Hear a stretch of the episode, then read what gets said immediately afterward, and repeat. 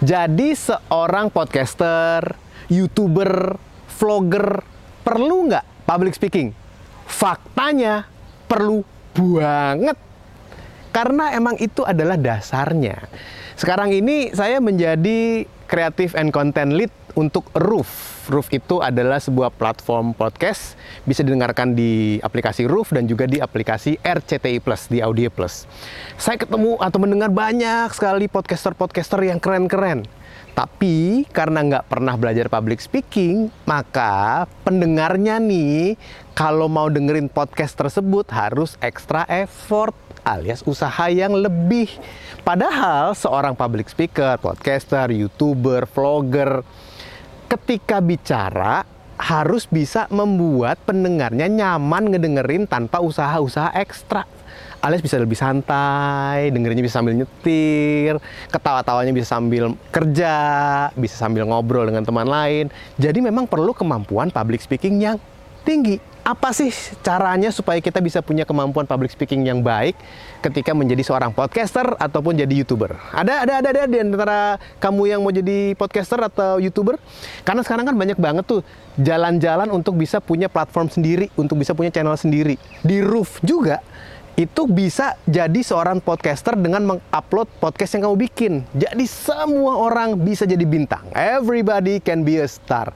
You can be a podcaster asal tahu tekniknya. Nah, gimana sih caranya biar bisa punya kemampuan public speaking yang baik sehingga ketika bicara orang lain gampang ngedengerin, gampang ketawa, ikut seru, terbawa, nyambungin rasa. Tekniknya saya nyebutnya adalah teknik claps. Clear, loud, and powerful speaking. Bicara yang jelas kalau ngomong. Apalagi sebagai seorang podcaster.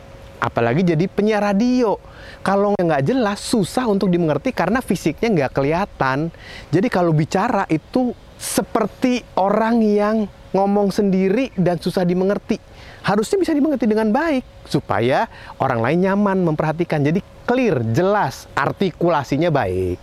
A I U E O-nya jelas. Ngomongnya jangan mambling bergumam. Powernya ada. Coba dengerin deh beberapa podcast yang dibuat belum maksimal itu kalau ngomong podcasternya nggak ada tenaganya. Ya memang ngomong di depan mic iya, tapi bukan berarti bicara di depan mic itu nggak pakai tenaga. Saya juga pakai bantuan mic yang ada di sini nih clip on, tapi kan tetap bertenaga walaupun mic-nya bukan di kamera. Tapi kita harus beranggapan bahwa yang jadi orang kita ajak bicara itu adalah kamera itu. Audiensnya agak jauh, jadi bicaranya bertenaga efeknya kalau kita bicara pakai tenaga itu akan membuat kita terdengar lebih bersemangat, suaranya akan terdengar lebih baik, pronunciation-nya juga akan lebih bagus, orang akan lebih merasakan passion ketika kita bicara, semangatnya ketika kita bicara. Jadi bicaralah yang bertenaga supaya ada powernya, supaya jelas untuk bisa orang lain memerhatikan, clear. Kalau sudah punya kemampuan bicara yang bertenaga, ada powernya apa? Pastikan ketika kita bicara yang membuat orang lain ngerasa nyambung dengan mengurangi semaksimal mungkin penggunaan filler words. Ada juga tuh podcaster atau vlogger yang kalau ngomong masih banyak uh, um, uh, oke okay. mau ngejelasin tapi banyak kan kata pengisinya. Jadi kalau ngomong Uh, Hai guys, uh, sekarang ini saya lagi ada di Bali dan uh, di tengah kondisi yang menyenangkan ini uh, saya ingin berbagi tentang teknik komunikasi. Kebanyakan filler words-nya. Bayangkan nih, nggak kelihatan fisiknya, cuman kedengeran lewat gadget di podcast doang, tapi ngomongnya banyak ae ae. Makin mudah bagi pendengarnya untuk ganti channel, ganti podcast. Ingat sekarang itu orang gampang banget untuk ganti podcast untuk ganti channel radio. Jadi kita harus bisa mudah diperhatikan supaya kalau kita punya channel podcast, YouTube ataupun vlog selalu bisa dekat dengan pendengarnya dan diperhatikan. Hanya orang-orang yang punya niatan tampil yang baik ketika bicara mudah untuk diperhatikan.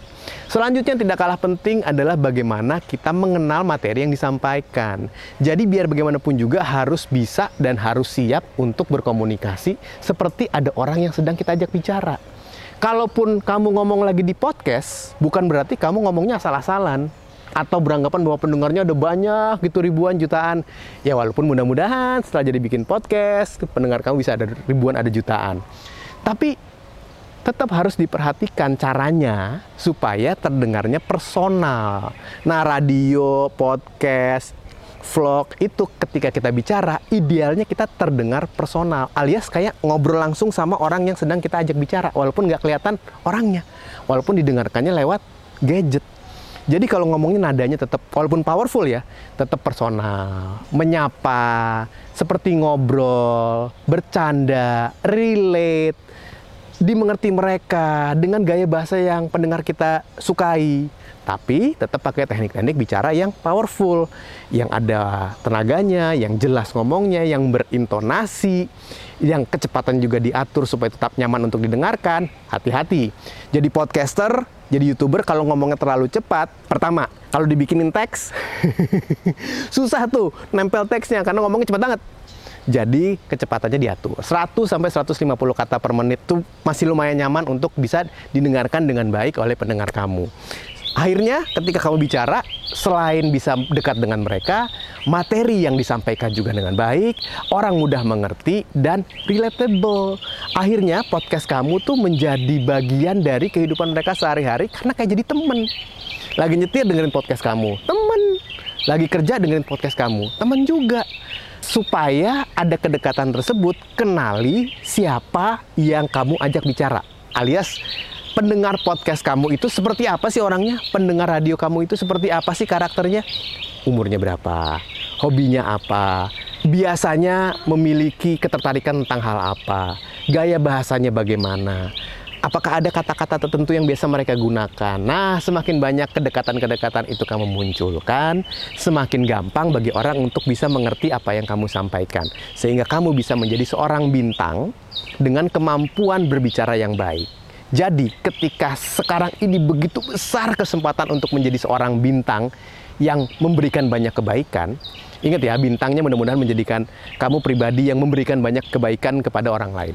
Maka pergunakan kesempatan ini untuk setiap kali kamu tampil, kamu tampil menjadi pribadi yang hebat kemampuan public speakingnya.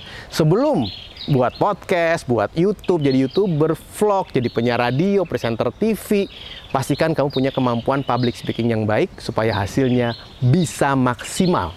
Karena dengan kemampuan public speaking, kamu bisa menjadi bintang di mana pun kamu berada.